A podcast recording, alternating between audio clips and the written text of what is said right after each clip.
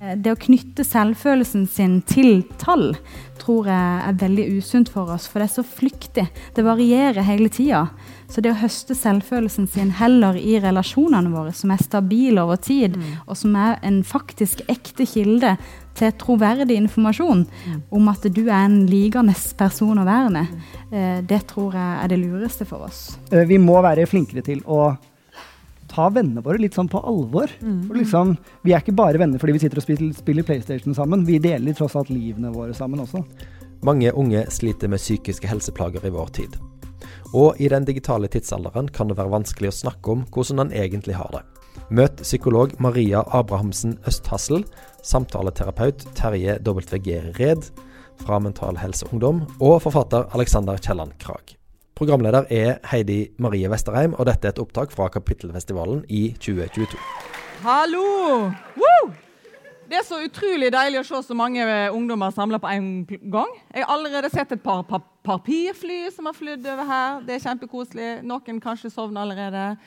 Eh, men det er utrolig godt å se dere. Og da satt alle med her og sa 'se hvor fine de er'. Og veldig kjekt at de er her. Og vi skal snakke om psykisk helse og angst og depresjon og andre veldig trivelige ting. Eh, som eh, dessverre er en ting som en trenger å snakke veldig masse om, for det fins kjempemasse av det. Eh, og de som er veldig gode på å snakke om dette her, Jeg har fått eh, tre av de fineste og de beste til å snakke om psykisk eh, helse og eh, angst og depresjoner. og dette her er altså en samtaleterapeut. Sånn ser han ut. Terje, gi han en varm applaus.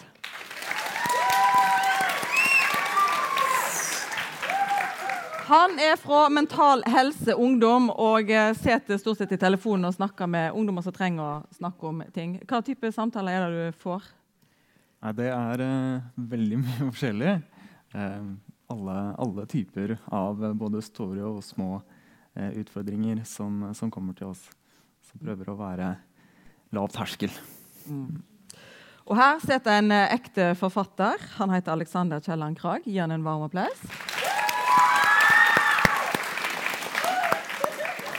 Og han har skrevet denne nydelige boken som vant U-prisen. Jeg vet ikke om noen av dere var engasjert i U-prisen? Var det?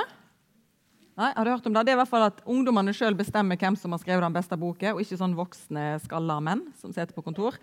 Eh, og Han eh, har skrevet ei bok. og Litt kort, hva handler boken om, Aleksander? Alexander? Eh, det handler om en gutt som heter Cornelius. Han er 17 år. Eh, er sånn midt i vennegjengen, spiller fotball, går på fester, alt går bra. Og så plutselig bare sånn en dag så blir han kvalm, redd. Eh, livet forandrer seg ganske plutselig. Og så handler boka om hvordan han dealer eller ikke dealer med det. Mm. Og her sitter Maria, hun er psykolog. Gi henne en varm applaus.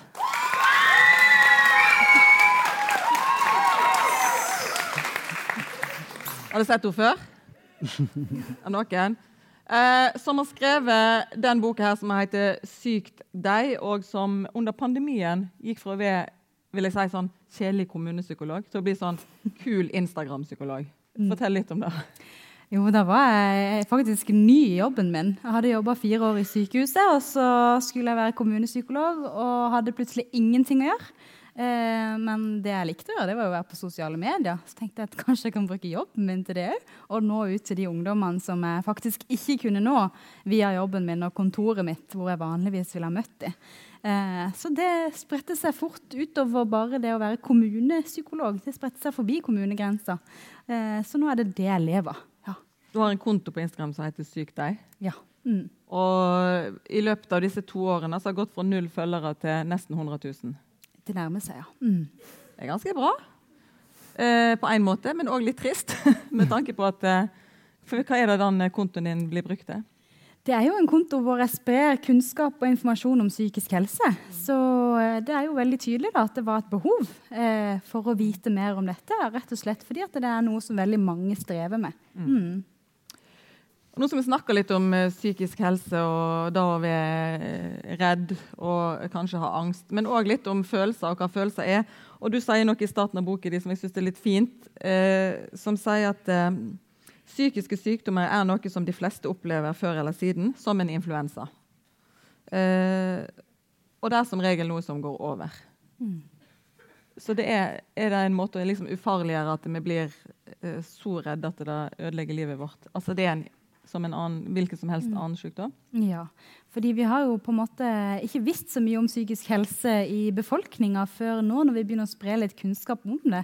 Men det er jo faktisk sånn at vi alle i løpet av livet går gjerne gjennom en periode med en mild depresjon eller har litt angst knytta til enkelte situasjoner. Og så, og så vet vi ofte sjøl hva vi skal gjøre. Akkurat sånn som når vi har en forkjølelse, så tar vi kanskje halstablett eller eh, Paracet når vi har feber. Så har vi òg de mekanismene istyrt oss at eh, hvis vi faktisk føler på ensomhet, så kanskje vi tar litt ekstra kontakt med noen vi mm. trenger å ha nær oss. Eh, så ofte så gjør vi de tingene sjøl litt sånn ubevisst som skal mm. til for å komme ut av eh, en periode med psykisk sånn mild sykdom. da. Mm. mm. Vi skal snakke litt om hva en kan gjøre hvis en føler seg eh, psykisk syk. Hvis en sliter litt med det. Men det er òg liksom greit å definere hva er eh, altså, vi har jo alle følelser, og de er helt naturlige. Uh, når blir det ikke naturlig, eller hva skal jeg si, når blir følelsen for masse? Uh, Cornelius i de bok han opplever dette at det plutselig blir for masse. Hva er det som skjer med han, som gjør at han forstår at dette er ikke bare vanlig redsel? Ja, altså, Cornelius han er litt sånn som jeg tror veldig mange er. At det, ting har liksom bare gått fint. Han har liksom medvind i livet. Uh, så han har ikke trengt å forholde seg så veldig mye til, til vonde følelser. Han er en veldig heldig fyr, liksom. Og så blir det da, når han først møter på denne redselen, så eh, blir han rammet av det som Dette kan selvfølgelig fagpersoner mye mer om enn meg angsten for angsten. At man blir redd for å bli redd. Og man blir kvalm én gang, og så plutselig er man redd for å stå og holde presentasjon i klassen fordi man er redd for at man skal spy foran alle sammen, eller et eller annet sånn. Um, sånn at det ene tar det andre ganske fort. Um, og at det blir en sånn snøballeffekt. Og jeg tror det er det som for Cornelius gjør at ok, nå, nå blir det for mye her. fordi at det, jeg kjenner ikke igjen den personen jeg er nå, fra den mm. personen jeg var for to måneder siden. Um, det er sånn det utarter seg da, for han. Mm. Uh, du Terje, hva type telefon er det for? Kan noen si sånn 'Jeg er redd, men det føles som noe mer enn bare vanlig redsel'? Er det noen som ringer og sier det? Jeg tror uh, kanskje det svaret jeg får oftest, er hva, hva, hva, er det, hva, er det, du kjenner på? Og så er det 'jeg kjenner på noe, men jeg vet ikke hva'. Eh, og det er stort sett eh, sånn det er eh, med disse følelsene våre. Så vi vet ikke helt, vi kan ikke sette ord på det. Men det er noe som er i veien, det er noe som er vondt. Eh, og da er det jo veldig ofte det vi gjør da, som, som, helsepersonell, er å hjelpe de å forstå hva er denne 'jeg vet ikke helt hva det er'. Eh, så det er jo ofte det vi gjør. Men rent sånn fysisk, hvis noen sitter her og sier at jeg har jo hatt klump i magen, jeg har vært litt svett, jeg har vært redd, eh, litt kvalm altså, Når vet du at det er angst? Ja, ikke sant? Det er jo en veldig sånn vanskelig definisjon for mange. Men hvis man kjenner på veldig sånn sterke fysiske symptomer, eh, for det er jo det ofte angsten er, den er veldig fysisk i kroppen vår.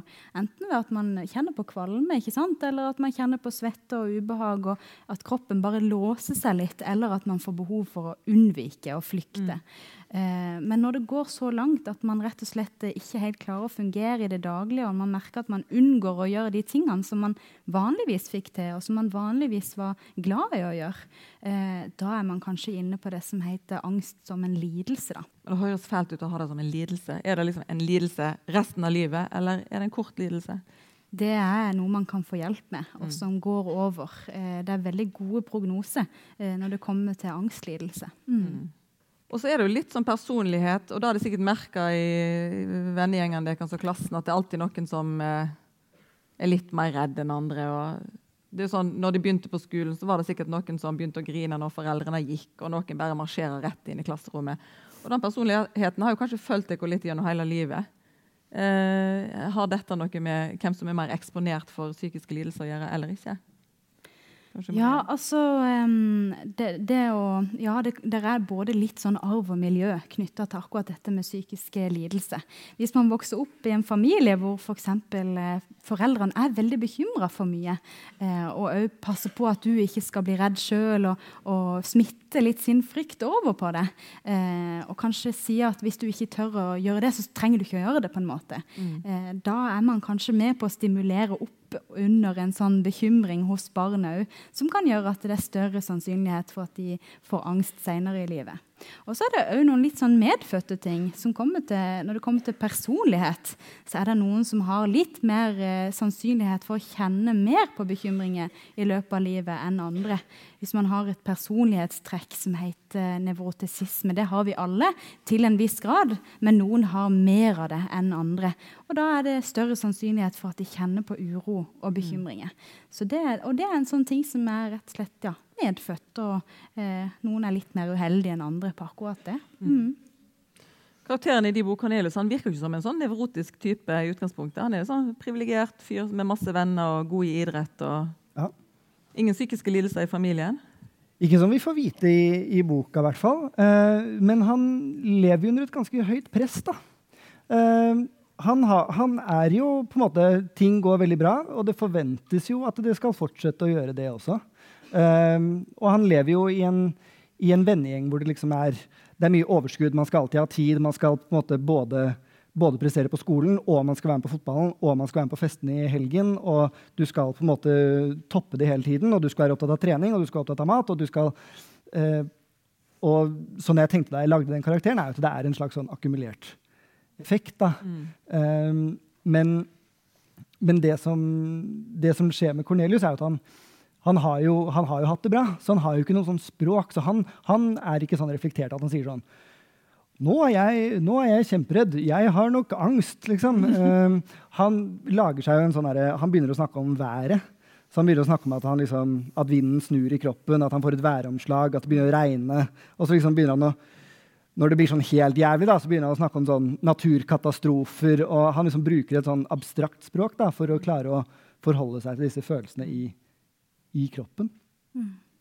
Og Da kommer vi inn på et tema som du eh, Terje, snakket om, som er eh, kanskje gutta sine følelser. Eh, altså gutter og psykisk helse. Som vi har jo sett har blitt mer tatt opp nå i Rådebank og i Boken De og andre TV-serier. Det er jo mer sånn fokus på det. da.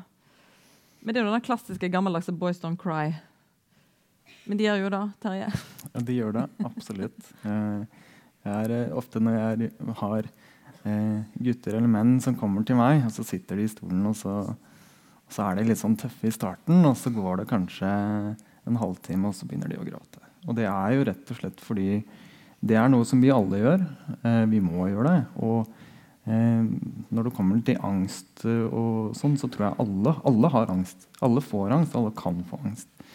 Og så er det litt det da med at gutter er litt bedre på å stenge lokket og ikke få liksom utløp, da, ikke få snakka om det kanskje så mye. Og da, eh, da, blir det høyt trykk som til slutt sprekker. Og da kan det sprekke i form av at man får angst som Cornelius, eller at man får panikk, eller at man blir skikkelig deprimert. Mm. Så, så, det tror jeg er litt sånn særingen for gutter. At de holder mye igjen, og så blir trykket veldig stort. Det er også litt interessant med angst at er sånn, uh, i, i, forhold til depresjon da, hvis, uh, Nå er ikke jeg fagpersonell, men uh, at de, en depresjon er jo mer en sånn mindset eller tankesett, mens angst er jo faktisk en fysisk Det er jo en ting i hjernen som heter amygdala, som rett og slett skrur seg på, og som tar lang tid å, å roe ned. Er, det, er, dette noe som dine pasienter får, får beskjed om, eller snakker de om det?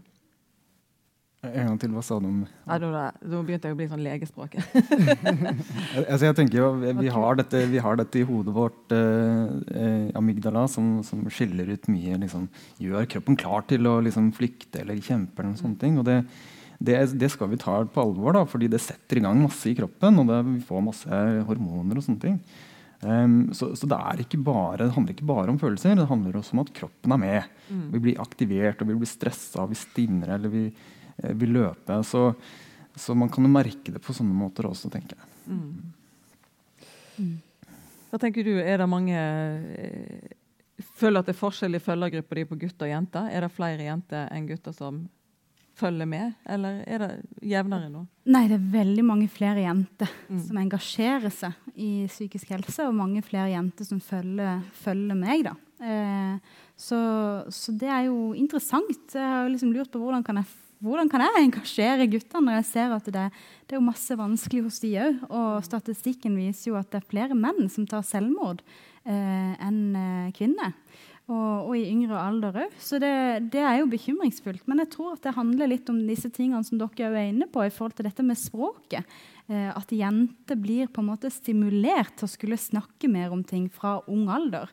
Og det er jo et kjempeviktig verktøy når det kommer til psykisk helse. Mm. Jeg vil bare si at Hvis noen lurer på noe Jeg vet det er litt skummelt, for det er masse folk her. Hvis du har lyst til å stille et spørsmål, så kan du bare gjøre det. Disse er veldig glad i spørsmål. Og eh, hvis du lurer på noe, så er det sikkert veldig mange andre som lurer på det. Eller så kan vi tenke litt på det, så samler det opp til slutt. Hvis det tør og vil.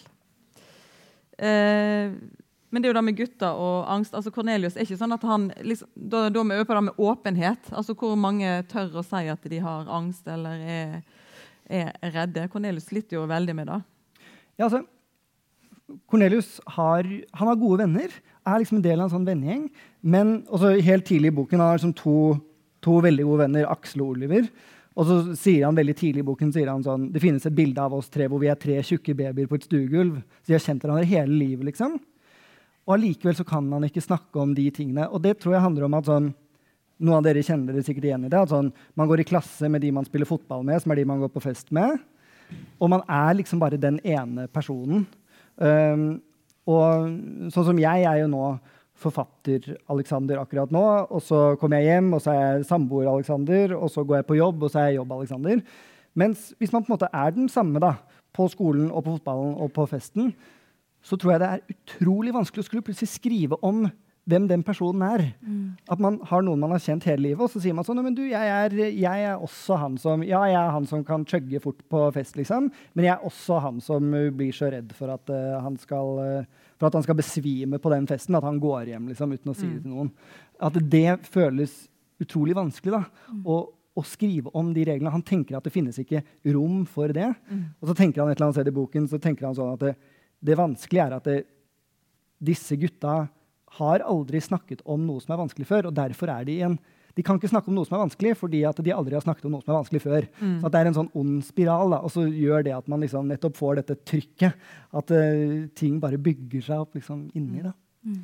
Hva er ditt råd da, som terapeut når gutter sitter der med trykklokket og ikke har lyst til å fortelle venner og familie at de er jeg, jeg, er ganske opptatt av det at uh, det, man får veldig masse sånn at ja, gutter må bli flinkere til å snakke om og si ifra. og sånn, så syns jeg det er litt dårlig gjort.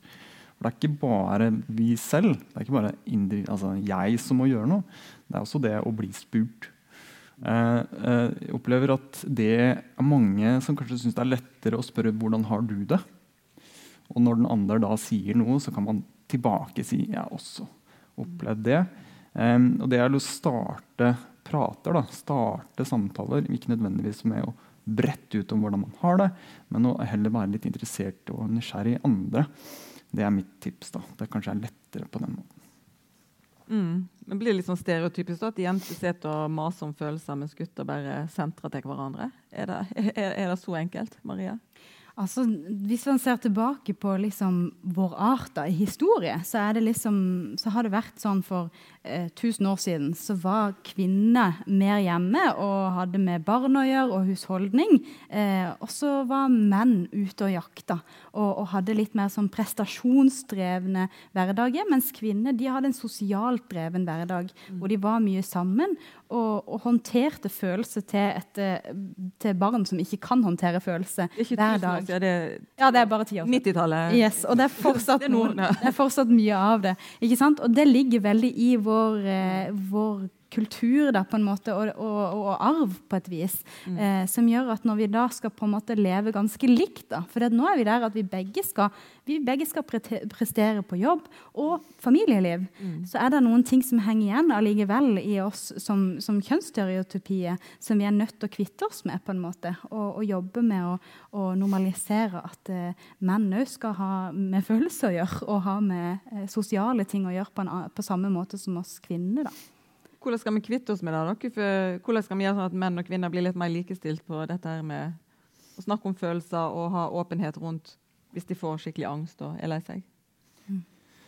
Altså jeg, jeg, tror man må bare være så ærlig med at alle har disse følelsene. Mm. Det er ikke sånn at det er forskjell på, på at menn og kvinner har liksom noen av følelser og ikke. Og vi, Vi menn må bare liksom akseptere at ja, men sånn er det. Og så må vi på en måte da OK, når jeg har det sånn, hvordan kan jeg da si noe om det? Hvordan kan jeg eh, få, få, noen til å høre på meg? Eh, og, og, være litt der, da. Og, at, og, det er ikke på en måte bare hverandre man kan gjøre det med. Det er også, Man kan jo da spørre noen som har, har et språk for det, og spørre sånn du, hvordan, hvordan sier jeg egentlig dette her? Mm. Um, og få litt hjelp til språket. Det tror jeg er viktig. En veldig oppegående, nydelig mann her som eh, sier at eh, han har en far som ikke liker å sitte og snakke om følelser. Og dette handler jo om forbilde, eh, og eh, om at fedre Egentlig en sånn eh, shout-out til fedre da, om å være gode på å snakke om følelser med sine barn og de rundt seg. Mm. Kjempegodt poeng. Og dette handler jo om som jeg var inne på litt i starten, at det fins litt mer noe sånn rådebank, og det er litt mer i populærkulturen at, at menn og psykisk helse Eh, og du Alexander, skriver om det. Hva tenker du liksom, kulturen, eller hva heter det, kulturnæringen har et ansvar der? Og? Ja, altså sånn, jeg tenker jo Kulturen har et viktig ansvar for å, for å, normalisere det. da. Litt sånn på samme måte som din far, eller veldig mange av våre fedre. ikke sant? Et ansvar for å OK, vi, det, det, skal finnes et klima hvor vi kan snakke om disse tingene her. da. Mm. Um, og der tror jeg jo ikke sant, kulturen må, må kunne gå litt sånn foran. Og også det jeg tenker er viktig, at sånn, sånn som både i Rådebank og i min bok, så, så, er det jo sånn du har jo den som sliter, men så har du jo masse folk rundt. Mm. Uh, og kulturen på en måte setter også fokus på dem. For jeg tenker at sånn, når vi snakker om sånn, hva kan vi gjøre, og hvordan kan det bli lettere, og sånn, så tror jeg altså sånn hvis du, du må bli bedre også som person til å ta imot og liksom hjelpe til å bære. For det er sånn hvis du jeg tror at I veldig mange guttegjenger så tror jeg kanskje man ser sånn La oss si at det, en, det blir slutt med kjæresten. da. Og så syns man det er så ubehagelig å spørre. Fordi man syns det er ubehagelig hvis de skal finne på å svare. Mm. Hvis de mot formodning skulle finne på å si sånn, vet du hva, jeg synes det er skikkelig dritt. liksom, Jeg savner det noe jævlig. liksom. Mm. Og da bare driter man i å spørre om det, fordi at det, den samtalen blir det vanskelig å ta. Mm. Og jeg tror liksom at sånn, man som venn, som er heldig og har det fint, må bli flinkere til å ta imot og liksom være med å bære. Man sier jo da at sånn um, do, uh, Delt glede er dobbel glede. Mm. Delt sorg er halv sorg. Mm. Um, sånn at uh, hvis du deler det med noen, så kan, du, så kan du rett og slett få hjelp til å bære det. Da. Men at vi må nettopp, der gikk den, uh, vi må være flinkere til å ta vennene våre litt sånn på alvor. Mm. Liksom, vi er ikke bare venner fordi vi sitter og spiller, spiller, PlayStation sammen. Vi deler tross alt livene våre sammen også. Mm. Tanker rundt det, Maria? Ja, jeg syns det er så fint sagt. Også det å tørre å vise at jeg tåler det. Jeg tror på en måte det er det vi trenger eh, når vi har det vanskelig. At noen viser at de tåler det. Mm. Og så er det ikke alltid at eh, du som eh, gutt eller jente eller andre kjønn har det språket som skal til for å si det sjøl. Som du òg er inne på, at noen ganger trenger vi å bli spurt. Eh, og, og det, det, som er med en følelse, er at en følelse trenger først og fremst egentlig bare å bli sett. Og det trenger ikke å være gjennom et språk nødvendigvis alltid som er verbalt. alltid. Det kan være gjennom f.eks. Eh, kunst og idrett. på en måte. Så klarer vi å få ut følelse. Eh, så hvis du som medmenneske klarer å se eh, Hvis du har en venn som er glad i å drive med musikk eller, eh, eller være på fotballbanen, så kan du se følelsene til den personen og gå og anerkjenne de følelsene etterpå mm. og si sånn jeg ser at det, eh, det, var sånn og sånn og sånn når du gjorde det. Mm. Eh, kan du si litt mer om det? Eh, og hva kan jeg gjøre for deg? på en måte? Nå er du inne på et paradoks. for at, eh, Nå er det en stund siden jeg var 17 år. Men altså, en, en, var jo åpne på noen ting var en ekstremt ærlig på masse sånn fysiske ting. Og i boken du har jo sånn, altså Han snakker om at han runker. og mm. blir av, altså Foreldrene kommer inn, og han sitter og runker, og det er veldig pinlig. Og da forteller han kompisen sin ja, altså, med letthet. Ja, for da er det sånn at han bare Det har han liksom ikke noe problem med å si. Og det er jo egentlig sånn mange syns er kjempeflaut, mm. men at han ikke vil snakke om det som foregår liksom, på innsiden. Mm. Jeg tror det handler litt om de der stereotypiske formene for maskulinitet. fordi at vi alle vet at menn runker, på en måte. Mm. Eh, men vi, vi, er ikke alle klar over hvor mye menn egentlig føler. Mm. Og så vil vi liksom imøtekomme de, den stereotypien på et vis. Så da blir det vanskeligere å si at det er det tøft, mm. enn å si at man runker. Ja. Men det er jo sånn, eh, litt sånn tungt utgangspunkt når menn syns det er veldig lett å snakke om runking, men ikke følelser, og jenter vil ikke snakke om at de onanerer, men de kan snakke masse om følelser. så er det liksom ja. Utgangspunktet er jo Men du var jo inne på noe veldig fint uh, om far din og følelser. For at alle det som sitter, skal jo bli Kanskje noen av dere i hvert fall, skal bli foreldre. Kanskje. Og da kan jo det sette sånne gode forbilder. Er det noe det er snakk om at hvordan kan en hjelpe andre og være gode forbilder for andre? Absolutt. Jeg tenker jo mer, jo mer man vet, jo lettere er det. Eh, og nå er jo dere på videregående. Jeg tenker Det er en oppfordring til skolene, kanskje lærerne spesielt, å tørre eh, å ta disse pratene. Eh, ikke på en måte tenke at det er noen andre som skal ta. Jeg er veldig opptatt av at det er ikke bare helsepersonell som driver med psykisk helse. De aller, aller fleste som gjør den største psykisk helsejobben, det er venner, familie, lærere. Så, så det er der den største produksjonen av helse er. Så vi må bli liksom tørre å spørre liksom Du, jeg ser, jeg ser, at du henger litt med hodet i klassa. Kan vi ta en prat? Det tror jeg er viktig. Mm. Men det er da en sånn der, uh, terskel å gå over som er vanskelig for mange? Opplever du det? Ja, jeg tror at det er sånn som du også sier, at mange tenker at noen andre har litt ansvar for det. At det er alltid noen som er nærmere, som kan se og ta den jobben. på en måte. Men, mm. men hvis vi klarer å lage en kultur hvor dette er noe vi alltid kan spørre hverandre om, på en måte, at det, det er som å spørre om været og hva du spiste til middag i går, liksom, mm. så tror jeg at vi ville fått et bedre samfunn. Mm. Men nå er jo det en sånn gjeng som kanskje Det var jo alle de voksne på TV snakket jo om deko. at det var, det var jo egentlig mest synd på deko under pandemien. Det, det var jo det. For uh, ungdommer som ble tatt vekk fra skolen og alt da. Uh, og, og, i pandemien så skjedde det òg veldig mye i debatten rundt psykisk helse. Uh, jeg vet ikke, liksom et spørsmål om det føler at det er forskjell før og etter pandemien. At det er lettere å snakke om det etter pandemien enn det var før. Eh, det er sikkert ikke noen som vil svare på det, men er det noe det kan eh, Du sitter jo midt i dette. her. Har det skjedd en endring? Det har Den opplevelsen som, som, jeg kjente på under pandemien, var at det var ikke så veldig mange som rapporterte at de fikk det, eller noe sånt, men det var akkurat som volumknappen ble skrudd opp. da. At det er de som kanskje hadde noe, men som fikk ikke liksom, utløp på andre måter gjennom aktivitet og trening og sånne ting, ble nå liksom sittende fast. Eh, og dermed så ble det til eh, problemer. Eh, og så er det også en ting som vi har sett, og det er spesielt dette med spising og spisevansker. Det har blitt veldig mye mer av. Mm. Så, så, det er nok en sammenheng der, tror vi. Merker du da på din eh, konto og dialogen din med følgere? Mm. Ja, altså jeg opplever jo at, å få tilbakemelding på de tingene som skjer i samfunnet hele tida. Sånn som Siste uka nå så har det jo vært mye om dette med utseende og skjønnhetspress og mm. tyranniet der. da. Eh, og så har det vært perioder hvor det har vært mye trykk på dette med Ukraina. At mange har vært livredde for en atomkrig. Mm. Eh, og før det var det pandemien. Men det som han òg er inne på, var at det vi så under pandemien, var jo at det var en enorm økning i spiseforstyrrelse. Og at det ikke har gått ned siden, at det er fortsatt like eh, hyppig. og det det, det, snakker vi jo litt om. Hva kan være grunnene til det? Og, ja, Hva er grunnene til det? Eller? Jo, altså Når man blir isolert eh, og mister alle sine rutiner og bare er hjemme eh, for seg sjøl og ikke spiser sammen med noen, så er det i seg sjøl en risikofaktor for utvikling av spiseforstyrrelse. Fordi når man ser på en spiseforstyrrelse, så, så dreier det seg ikke bare om å slanke seg og skulle bli tynn eller se ut på et uh, vis, men, men, det er en form for følelsesregulering. At mat blir brukt for å få kontroll over noe når man ikke ellers få, kan ha, ta kontroll over andre ting i livet. Mm. Eh, fordi det å være i en pandemi og ikke vite når man eh, får livet sitt tilbake, det er jo tap av kontroll. Mm. Og da var det mange som tok kontroll over matvanene sine, og så ble nok det veldig forsterka av sosiale medier. Mm hvor særlig TikTok da hadde masse bra inspirasjon for de som hadde lyst til å bli anorektikere. Oh, ja. ja.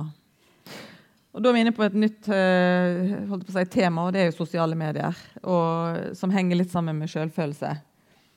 Som òg er en uh, ja, et, et, et, utgangspunkt for uh, psykiske lidelser. Hva, en, hva, slags selvfølelse en har. Og hva er selvfølelse, eller selvfølelse? Mm. Selvfølelse det er jo noe som varierer veldig i løpet av livet. Men han begynner jo egentlig å utvikles allerede fra det man blir født. Eh, så er det i interaksjon med andre, altså i samspill med andre.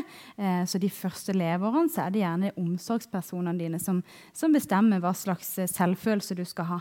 Eh, så når du ligger på gulvet som en baby, og dine omsorgspersoner står over deg og viser at jeg trives med å være sammen med deg, så får man en følelse av at det, at det er godt å være med meg, og derfor er jeg glad i å være meg. Og det trenger vi mange erfaringer av gjennom hele livet. Så trenger vi gode erfaringer med at andre trives med å være sammen med, med oss, eh, og at det er trygt og godt å være meg. Og det skjer gjerne i relasjonene våre. Mm. Så det er rett og slett den følelsen du har eh, knytta til deg sjøl. Hva føler du om deg sjøl? Mm. Eh, der har du selvfølelsen. Mm. Og Hvordan eh, er selvfølelsen til deg som eh, ringer? Nei, det De som ringer, eller ringer har jo, seg, eller har samtaler med deg. Er hos oss, det er jo gjerne en lav selvfølelse. nå. Um, den har blitt på ulike måter ikke fått utvikle seg, eller blitt krenka på et eller annet sted, eller blitt skada og gjennom en traume. Eh, og at den, opplevelsen av meg, opplevelsen av 'jeg er', 'hvem er jeg', identiteten min er liksom skada, skrammer. Da. At man enten tenker at 'jeg er ikke god nok', eller 'jeg får det ikke til', eller eh, jeg, er, 'jeg, ser ikke sånn ut', eller 'jeg opplever meg som noe annet'. Eh, og det som er veldig viktig med selvfølelsen, som, som Maria er inne på, det er jo selvfølelsen oppstår når vi blir sett av noen andre. Så det er jo da den, den kommer fra andre.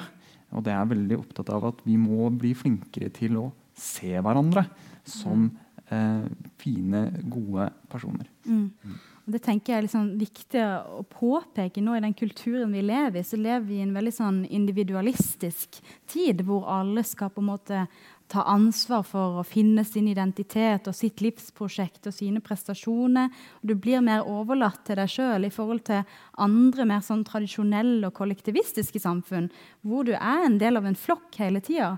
Fordi vi er faktisk flokkdyr. Mm. Så det er, det, er ikke, det er ikke noe svakhet i å innrømme at vi trenger andre. Og vi trenger hverandre til å speile oss i hverandre og få råd fra hverandre. Og, og det er psykisk sunnhet å erkjenne det og òg oppsøke det. Mm. Og så er det Selvfølelse kommer fra at noen ser deg. Og nå er det jo veldig sånn målbart hvem som ser deg i uh, likes. Mm. Og dette skriver du om at uh, likes er sabotøren til selvfølelsen. Ja. Rett og slett, altså fordi Når vi er inne på dette her med hva slags kultur vi lever i, så lever vi jo på mange, altså mange har påpekt at vi lever i et slags prestasjonssamfunn. Og når du ser liksom fra og med du begynner på barnehagen til og med Jeg har en sønn. Eh, han blir målt hele tida. Jeg går i sånn eh, samtaler til de som jobber der, og så får jeg sånn kakestykke hvor de har satt inn sånn tall på hvor mye han presterer på motoriske ferdigheter, sosiale ferdigheter og alle sånne ting. Så man blir vurdert hele tida som menneske. Allerede fra barnehagealder til skolealder så kommer det masse tilbakemeldinger på fag og karakter etter hvert. Mm. Så vi, vi lærer jo at tall har enormt mye å si eh, for hvor gode vi er, på en måte.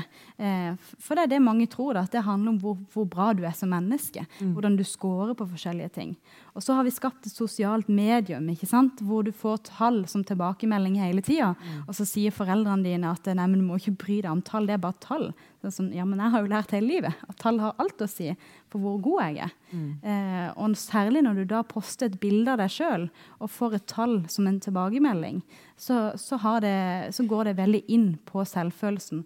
Eh, og, et, og så er det litt sånn Mange beskriver at eh, de trenger ofte å få mer og mer likes på en måte på, på bildene sine av seg sjøl. Og hvis ikke de har fått nok likes, så sletter de bildet. Mm. Eh, så, så det, det, å knytte selvfølelsen sin til tall tror jeg er veldig usunt for oss, for det er så flyktig. Det varierer hele tida. Så det å høste selvfølelsen sin heller i relasjonene våre, som er stabile over tid, mm. og som er en faktisk ekte kilde til troverdig informasjon mm. om at du er en likende person å være med, mm. eh, det tror jeg er det lureste for oss. Det er jo sånn tøft, da, for det er jo første generasjon som bare blir målt i tall da, på likes og sånn. Altså, Vi slapp jo da når vi var 17 år, og jeg syns det virka helt sånn sjukt brutalt. Eh, er det verre nå enn det var før? Terje? Det er litt vanskelig å si, men, men, jeg tror jo at det hvis man tenker på det å bli sett, da. Det å bli sett er noe mer enn liksom et tall som er inne på. Det å bli sett og bli opplevd, det er jo masse. Du må se deg som i kropp. Du må se, bli anerkjent med følelser og utstråling og, og alt mulig. Så, så, hele den her bli oppfatta, bli sett, forsvinner jo liksom når man bare har én måte eh, å, å, bli sett på. Det er gjennom en, noen piksler. Eh, og da tenker jeg at det rett og slett er for lite. altså. Mm. Det som er ekstra utfordrende, er jo at vi ofte redigerer den utgaven av oss sjøl. Vi lager en forfalska virkelighet. Eh, enten at man redigerer bildene sine, eller at man rigger til tilværelsen og setter ting litt mer sånn perfekt. Mm. Sånn er livet mitt. Eh, og, og alltid, deler bare bilder når vi er supersosiale og ser ut som at vi har et veldig fint liv. Vi tar jo ikke bilde av liksom, når livet er rotete og kaotisk, som det stort sett er. Og når vi får masse bekreftelse på denne litt sånn falske versjonen av oss sjøl, så kan det være uheldig for det faktiske selvet vårt, mm. som, som er, jo er den vi er stort sett. ikke sant? Mm. At vi får bare bekreftelse på en ønska utgave av oss sjøl som, mm. som, ingen klarer å strekke til på å være. Og så føler mange av de som er sånn 'Å, se hvor rotete jeg har det, og se hvor mislykka livet mitt er'. Det er masse sånn humor. Altså Det er pakka inn i sånn mm. 'Å, det er sånn morsomt å være mislykka'. Mer enn at det er sånn Livet mitt er jævlig stress, og det er kjedelig å gå på skole, det er kjedelig å ha unger. altså Ting er styrete. Mm. Snakk om prestasjon. Cornelius han, du sa innledningsvis han kjenner jo på viss sånn prestasjon. Er, er han sånn uh, typisk for sin generasjon, eller er det bare den alderen? Eller hvordan vil du beskrive? Nei, altså uh, Det er jo alle dere mye bedre enn meg til å si om han på en måte er, er typisk for sin sin generasjon. Men det er jo litt den der generasjon prestasjon som man snakker om. Uh, men jeg tenker jo Én ting er jo, som jeg reflekterte mye om da jeg skrev boken også, er at sånn, på den ene siden så har du sosiale medier og disse veldig gode innspillene om, om, selvfølelse og tall og sånn. Og så er det jo også litt den der historien vi forteller om oss selv. Og når den blir stadig mer sånn perfekt, så blir det også veldig vanskelig å igjen bryte med den rollen. da. Mm. Um, Cornelius er på en sånn hyttetur med masse venner. Og liksom Det ser veldig flott ut da, fra utsiden. Det er sånn påskehyttetur. sånn der Alle har sett sånne irriterende påskebilder på Insta. Og stor vennegjeng. Ja, Det ser akkurat sånn ut. liksom. Sånn der Nikkers og Jegermeister. liksom. Og så, og så, skriver han sånn Jeg skjønner hvordan det ser ut fra utsiden. Jeg skjønner at det ikke ser ut som det er synd på meg. Mm.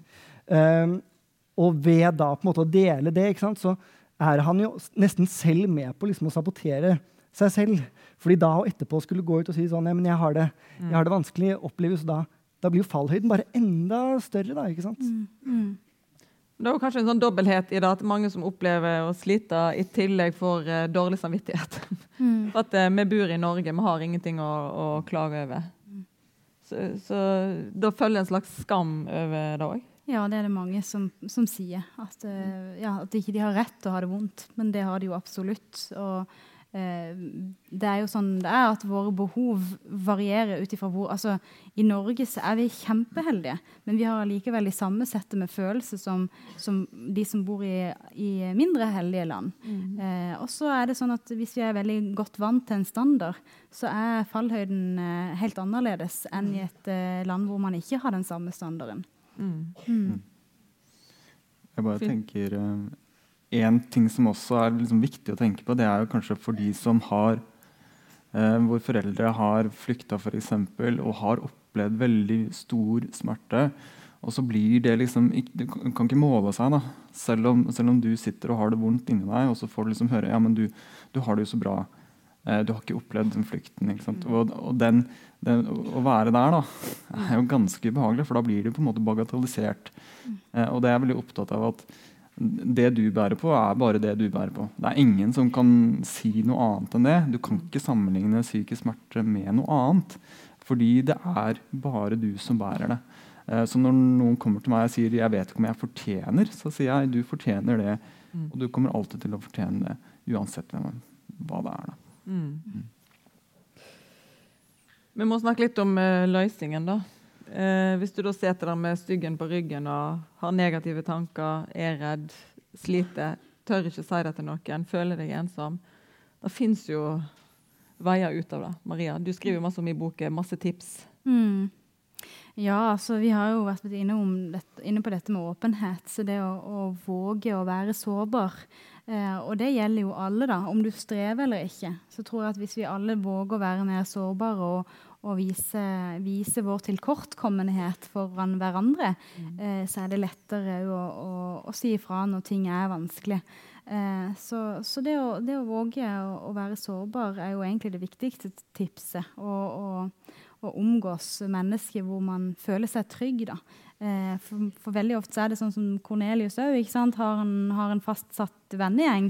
Eh, og hvis det på en måte er trenden at det ikke skal snakkes om i den gjengen, så kan det faktisk hende at du skal, snakke, at du skal oppsøke noen andre relasjoner hvor det er mer normalisert. Mm. Eh, for hvis det er for vanskelig å bryte med mønstrene i en relasjon, så er det lurt å oppsøke relasjoner hvor det er lov og lett å snakke om ting i tillegg.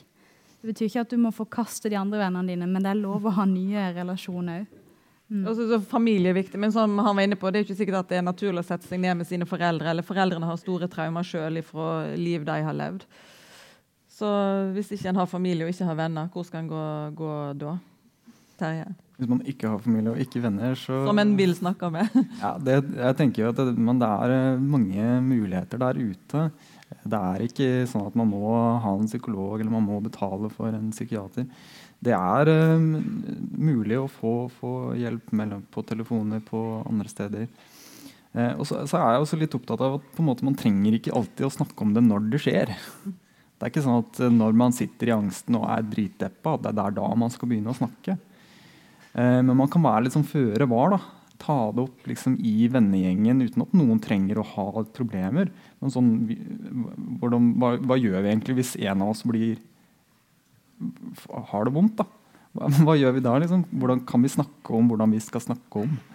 Um, og det kan være en sånn forebyggende, at man skaper liksom mer trygghet rundt hverandre. Da. At man er litt sånn ja, hvis, hvis jeg hadde hatt det kjipt, hva hadde dere gjort da? Liksom? Mm. Og, og, liksom hjelpe hverandre til å skape trygge rom. Da. Um, og da tror jeg vi gjør mye. Mm. mm. Bra oppgave når det går nå. Så går det å lage en strategi eh, med vennene deres. Hvordan, hvordan, skal vi snakke om dette her hvis det skulle skje? Hva blir Cornelius' i løsning, da? For han er det jo veldig åpenheten. Han blir jo Cornelius er jo heldig. Han, han sliter jo bare litt sånn moderat. Altså sånn, han er absolutt ikke inne i en sånn eh, det vi snakket om tidligere, som er liksom en angstlidelse. Han har mer sånne episoder av angst, sånne nedslag av redsel, som jeg tror alle kan kjenne på i større eller mindre grad. Og de tingene forblir veldig stort fordi at han ikke deler det med noen.